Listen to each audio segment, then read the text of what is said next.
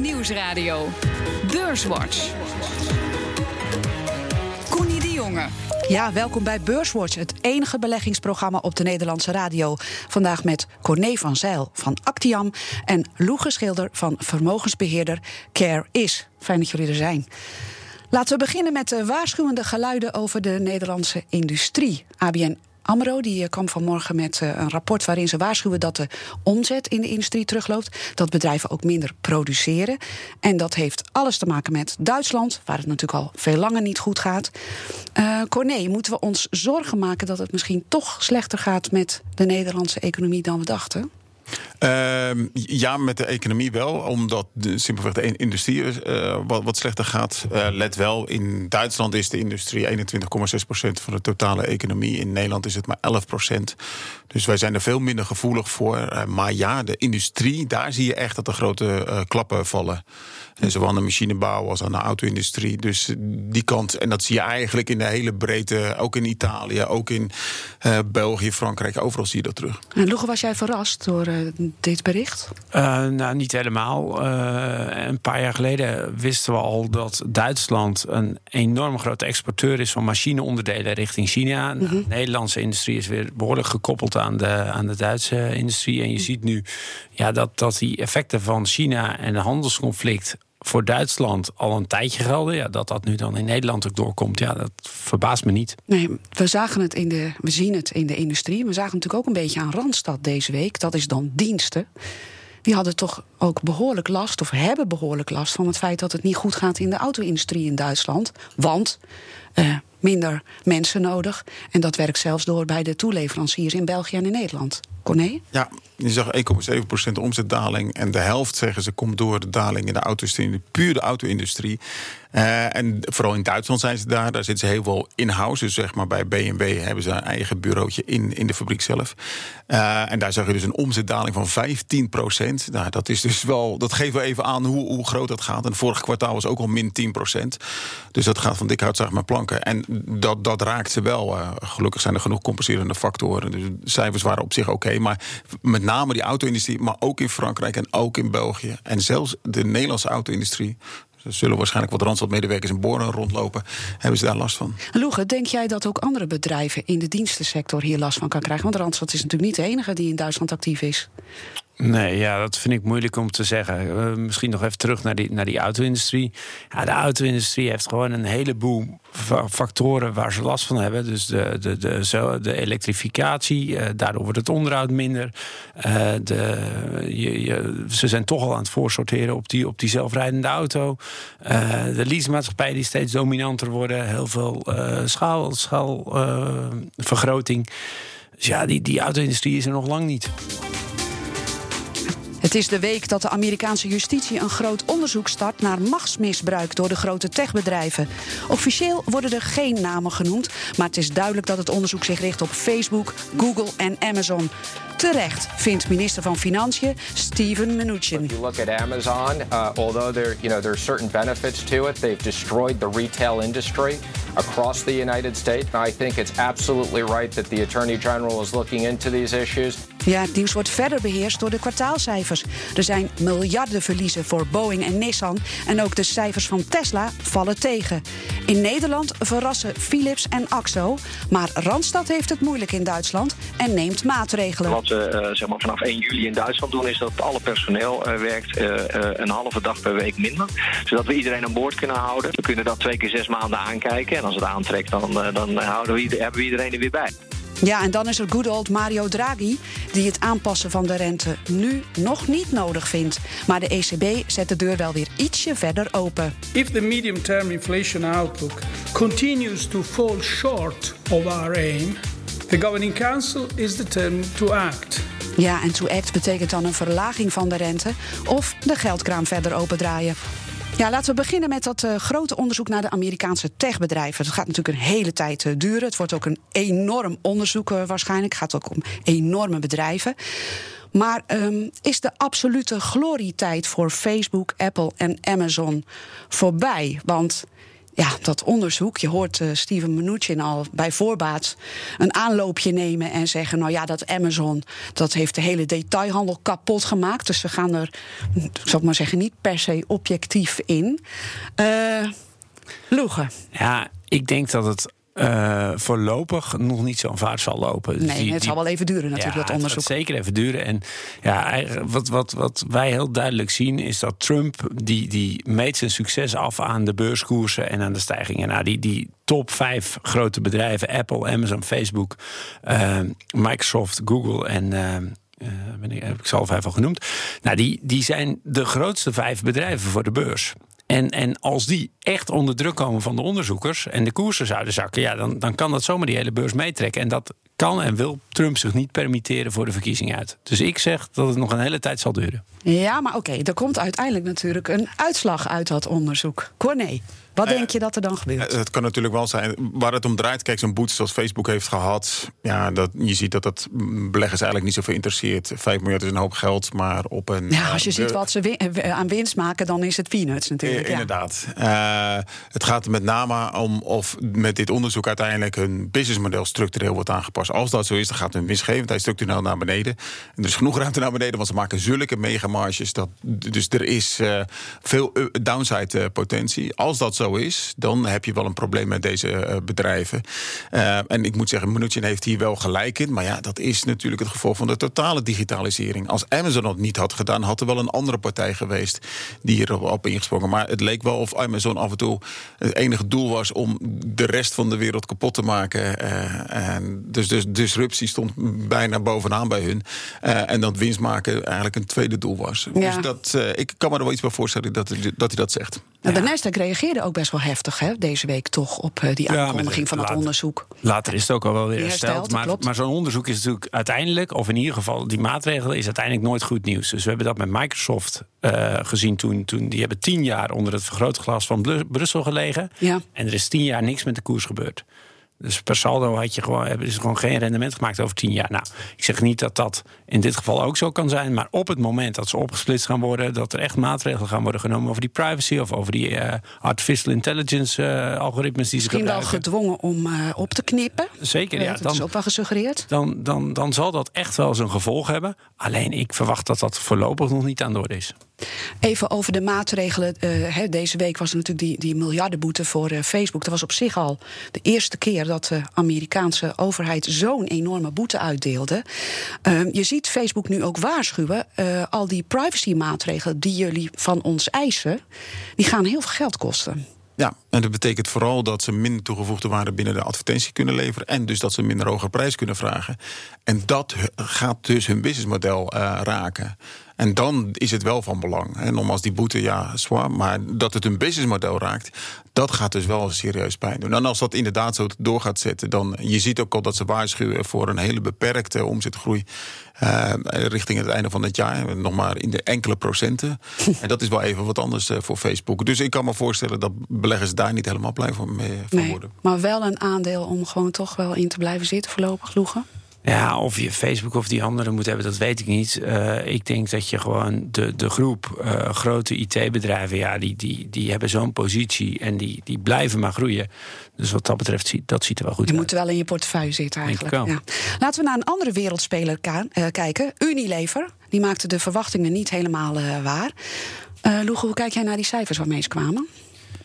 Ja, eh, de, de ijsjesverkoop zou dan tegenvallen omdat het eh, tweede kwartaal eh, minder goed weer was. Nou ja, eh, Unilever is natuurlijk een enorm breed bedrijf met, met, met gezondheidsproducten, met ijsjes, met, met, hele, over de hele wereld. Dus ja, Ik vond het best een gek verhaal. Ik dacht nou, als je het nou van de ijsjesverkoop moet hebben dan... als eh, mega-gigant. Corné, ja. wat vond jij daarvan dan, van dat verhaal? Nou ja, het viel me wel op dat, dat die ijsjes er werden door de media ook wel eh, uitgehaald. Zeker in het huidige weer. Eh, maar dus ik, ik heb even het persbericht gekeken. Er stond wel een lange lijst met dingen die tegenvallen. Ja, haarproducten Eh, ging ook niet goed. zwarte thee, dressings in de developed markets. eh, dat was allemaal zwak. dus wat dat betreft vond ik het wel een hele lange lijst. Overigens, even AB InBev kwam met het... die zit een beetje in dezelfde markten. Die had juist hele goede cijfers. En die praten over een heel positief paarseffect. En het grappige is, daar hoor je dan Unilever helemaal niet Precies, over. dus, dus we dronken wel bier, maar we aten geen ijsjes. dat was eigenlijk de conclusie. Ja. ja dus, dus wat dat betreft, ik, ik ben altijd erg uh, sceptisch op het moment dat er zo'n lange lijst met externe factoren komt. Uh, meestal ligt het dan aan het bedrijf zelf. En je ziet vooral, daar, ze zijn niet in staat om prijzen te verhogen. En uh, ze komen in een steeds mo moeilijke marktpositie. En daar is dit kwartaal denk ik een heel duidelijk teken van. Nou, aan de andere kant, ze mikken erop om met producten te komen die ze dan personalized brands noemen.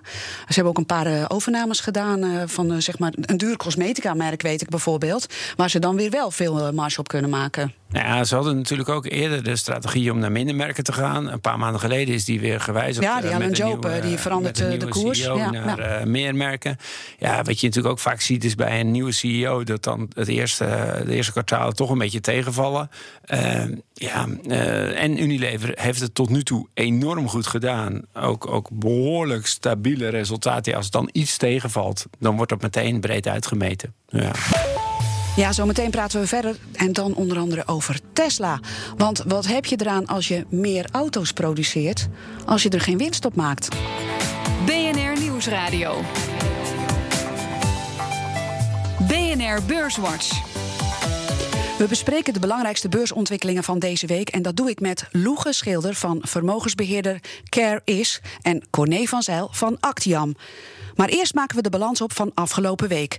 De AEX sloot op 580,1 punten, 1,4% hoger dan vorige week. Stijgers.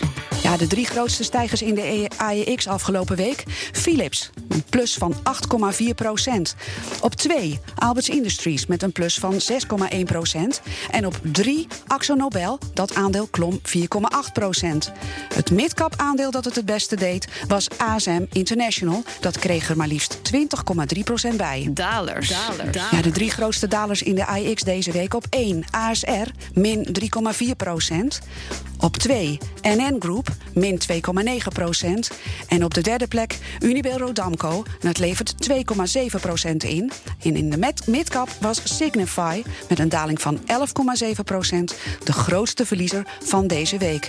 De AX is deze week vier van de vijf handelsdagen hoger gesloten. Ja, we hadden het al even over de auto-industrie en dat hij het uh, zwaar te verduren heeft. Dat wisten we natuurlijk al. Maar voorlopig wordt het eerder slechter dan beter. Nissan kwam echt met een uh, dramatische winstdaling, bijna 100% uh, winstdaling. Schrapt 12.500 banen, krimpt de productie drastisch in. Ford verliest overal marktaandeel. Renault zag de winst meer dan halveren. Daimler-Benz ontkomt niet aan de malaise. Ja, Loegen, alleen Volkswagen, die lijkt het nog redelijk te doen. Uh, hoe verklaar je dat? Nou dat, uh, Volkswagen heeft natuurlijk ook een hele moeilijke periode gehad met het dieselschandaal. Dus wat dat betreft is het voor hun, uh, ja, komen, komen zij van, vanuit een bodem en, en gaat het iets beter. Ze hebben ook wel wat meer ingezet op die elektrificatie en elektrische modellen.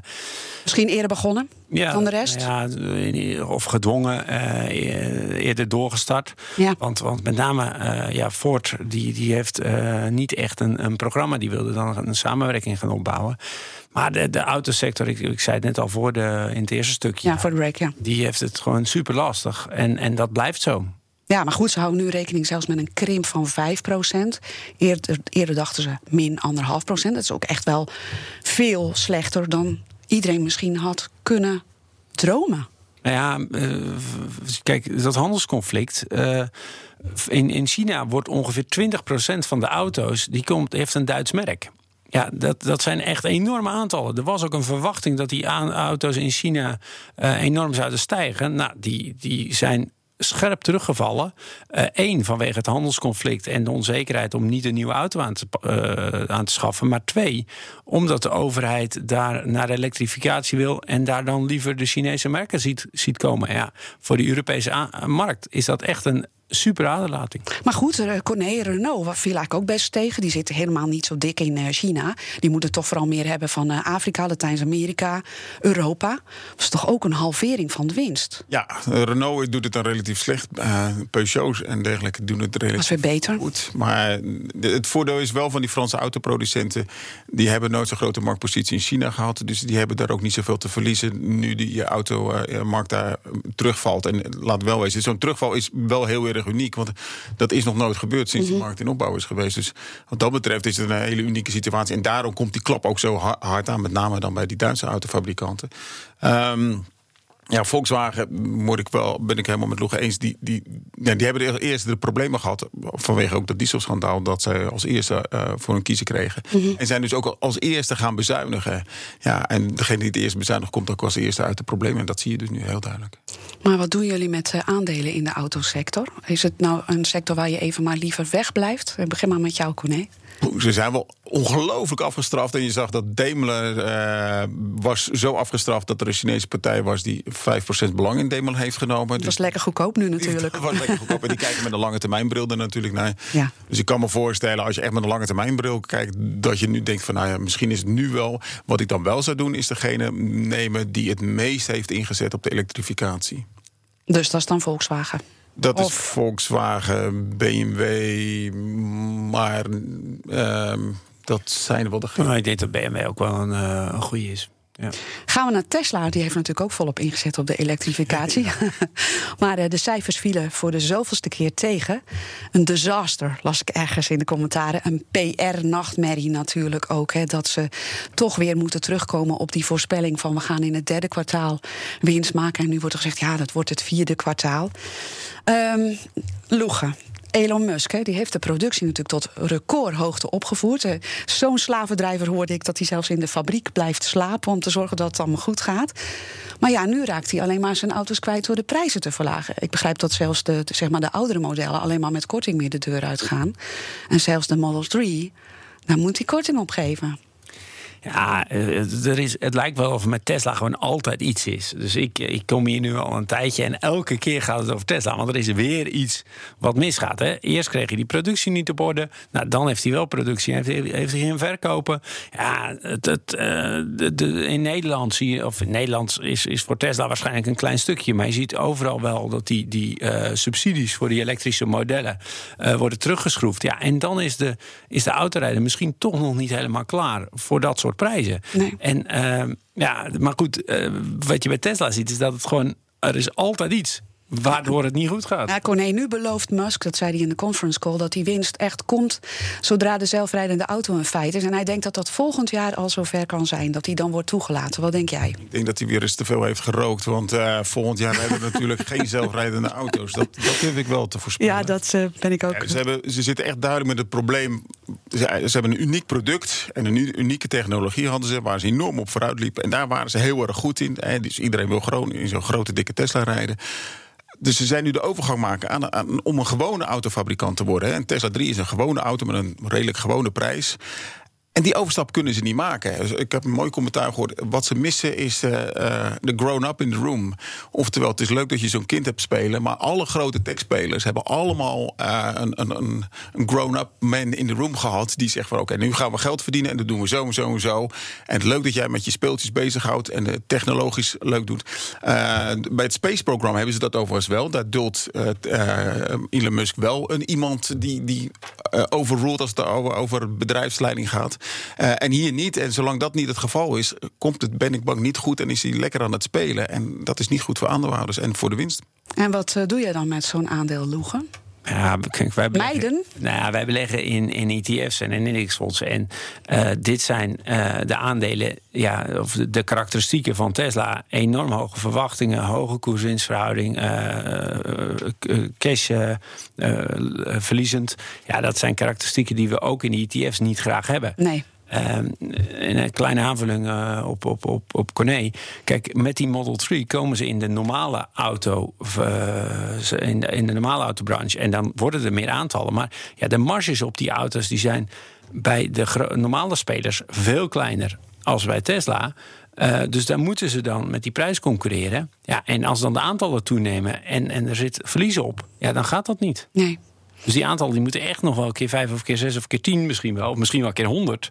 Voordat het echt een concurrerend businessmodel En in de wordt. tussentijd raken ze de oudere modellen niet kwijt. Ja, eh, en, en, en ja, op het moment dat je ieder kwartaal verlies maakt... heb je op een gegeven moment ook een financieringsprobleem. Ja, dat, eh, dat hebben we natuurlijk al een keer eerder gezien bij Tesla. Dat eh, de bodem van de schatkist eh, behoorlijk in zicht was. En dat dreigt nu misschien wel weer. Ja. Gaan we naar de biermarkt. Jullie hadden het er al stiekem over. Ja, het is natuurlijk eh, eh, ti- weer voor eh, bier. Eh, buiten vallen de mussen van het dak. Ehm, AB InBev wist de omzet wereldwijd met 6% te vergroten. Vooral door meer bier te verkopen. Dus geen frisdrank, maar echt gewoon bier.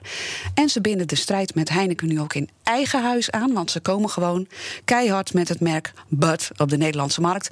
En Bud, eh, de king of beers, zeggen ze zelf. En alsof het nog niet brutaal genoeg is dat je dat gewoon dan doet op de Nederlandse markt. Worden ze dan ook nog sponsor van Ajax in een stadion wat gesponsord wordt door Heineken. Loege, hoe kijk jij naar die actie? Ja, ik denk dat het meer eh, een, een, een, steek onder water is dan dat het echt enorm eh, zal bijdragen voor, die, voor, die, voor, de, voor beide bedrijven. Of, of beide bedrijven enorm zal raken. Want de Nederlandse biermarkt is natuurlijk niet op, op, op voor eh, en een AB InBev en een Heineken cruciaal. Nee. Maar, Het is meer een pesterrijtje. Ja, ja, dat denk ik. En eh nou, AB InBev had nu goede cijfers. Maar die heeft natuurlijk de afgelopen jaren toch wel moeilijk gehad. Eh, Die, die, die eh, had het heel zwaar onder die grote schulden die, eh, die zijn opgetuigd. Hebben de beursgang van, van hun dochter terug moeten trekken. Nou, dus die, die omzetgroei die komt als geroepen. Want dat hadden ze echt wel heel hard nodig. Ja, en die Schuldenberg hebben ze ook nog niet helemaal weggewerkt. Hè? Corné, hoe kijk jij naar die actie? Nou, de- deze actie is inderdaad, net zoals Loris zegt, denk ik, steek onder water. En eh, ja, voor hun is dat peanuts. Eh, ik moet zeggen, als ik naar de opbouw van de cijfers kijk, wat je ziet is dat het goed gegaan is met eh, AB InBev, met name door Brazilië. Nou, daar is Heineken tegenwoordig ook wat groter. Zuid-Afrika, nou, daar heeft Heineken niks in de melk te brokkelen. Maar wat vooral interessant was, dat het ook heel erg goed ging in Mexico. En daar Dat is natuurlijk met- ook wel een belangrijke markt voor Heineken. het is een van de drie winstgevende markten samen met Nigeria en Zuid-Korea, zeg ik. Eh, ja. Eh, en dus dat vind ik wel heel erg interessant. Zijn ze daar nu zoveel marktaandeel aan het winnen? En dat zou wel heel erg nadelig voor Heineken zijn. Dus nou ja, dat zullen we maandag, als ze met de cijfers komen, gaan merken. Maar dat vond ik wel. Dat is geen steek onder water. Dat is eh, meer een steek in de rug, zou ik zeggen. Dus dat is, vind ik, het meest interessante. Maar wat verwacht je van Heineken? Durf je er iets over te zeggen? Nou, als eerste dat ze hetzelfde paars-effect hebben als AB InBev. Dus dat is makkelijk. maar dat, dat die markten hetzelfde zullen zijn. En eh, waar ik vooral naar zit te kijken is naar hoe, in, hoe in hoeverre ze Brazilië op de rails krijgen. Hè? Want daar hebben ze grote verliesgevende partijen overgenomen. En nou ja, samen moet dat heel goed gaan. Eh, maar hoe snel krijgen ze dat op de rails? Ja, en, de- en met name Mexico ben ik erg benieuwd naar. Ik, ik denk dat het wel goed zal zijn. Maar eh, ja, het zal moeten blijken. Nou, het is ook wel interessant. Ze hebben natuurlijk die samenwerking met de Chinese partijen aangekondigd een tijdje geleden. Ja, hoe die integratie daarvan werkt en of dat al zijn vruchten afwerpt. Ja, want dat liep in het begin helemaal niet zo lekker, hè? Ja, ze hebben daar, ze hebben daar ook wel wat nieuwe keuzes gemaakt. Eh, ja, we gaan dat zien. Maar eh, China is natuurlijk anderhalf miljard mensen. Eh, Dat als, die, als ze die goed aan het bier krijgen, ja, dat, dat, dat zijn de opschieters. Ja, wat verwacht jij maandag van Heineken? We gaan het zien, ik heb geen idee. Jullie durfden geen biertje om te verwedden, hoor ik al wel. Oké. We zijn bijna aan het eind eh, van eh, Beurswatch. Eh, zoals altijd wil ik aan jullie nog een tip vragen. Waar kijken jullie met een schuin oog naar? Welk aandeel, welke obligatie, welke sector? Alles mag. Je mag er alleen zelf geen voordeel van hebben. Ik begin met jou, Loegen. Ja, dat is lastig, eh, want eh, wij, wij kijken vooral naar value-aandelen. Eh, die staan echt eh, super laag gewaardeerd ten opzichte van groeiaandelen. Onder andere omdat die grote IT-bedrijven het zo goed gedaan hebben. Nou, dat, ieder eerder moment dat er zo'n verschil was, was echt de, de vooravond van een enorme goede beursperiode voor value-aandelen. Oké, maar noem eens een voorbeeld dan van zo'n value-aandeel. Ja, wij, wij beleggen zelf in de value, Vanguard Value ETF. Ja. eh, Global Value ETF. Dus dat, dat Dus de aandelen die daarin zitten, daar eh, kunnen beleggers naar gespreid mandje. Nou, wij zijn sowieso voor spreiding. ja, oké. Corné, wat is jouw tip? Ja, ehm, ik heb ooit eens een column geschreven, een half jaar geleden, eh, in oktober ben ik, dat je eens een keertje naar goud zou moeten kijken. Goud heeft het in de tussentijd zo goed gedaan. En het leuke was, toen de tijd was iedereen ontzettend negatief over goud. Je zag dat voor het eerst ook speculatieve posities eh, negatief waren. Eh, dat iedereen gokt op een daling. Dat gebeurt bijna nooit. En nu is Precies alles andersom. Eh, een aantal goud-ETF's neemt weer fors toe. Eh, de speculatieve posities zijn enorm hoog. Niet op zijn max nog. Maar dan denk ik van ja, als je dat toen hebt gedaan, die dingen hebt gekocht, zou ik ze nu maar eens een keertje kijken of je niet uh, tijdelijk winst kan nemen. Goud dus. Loegen? Verkopen. hè? Verkopen nu. Oké. het verkopen en value aandelen kopen. Ja, oké. Dank allebei eh, voor jullie tip en jullie wijze woorden. Corné van Zeil van Actiam en Loege Schilder van vermogensbeheerder Care Is. Dit was Beurswatch. Als je wil reageren, stuur ons dan een mailtje via beurswatch.bnr.nl. En terugluisteren kan natuurlijk ook via de site, de app, iTunes of Spotify. Tot volgende week.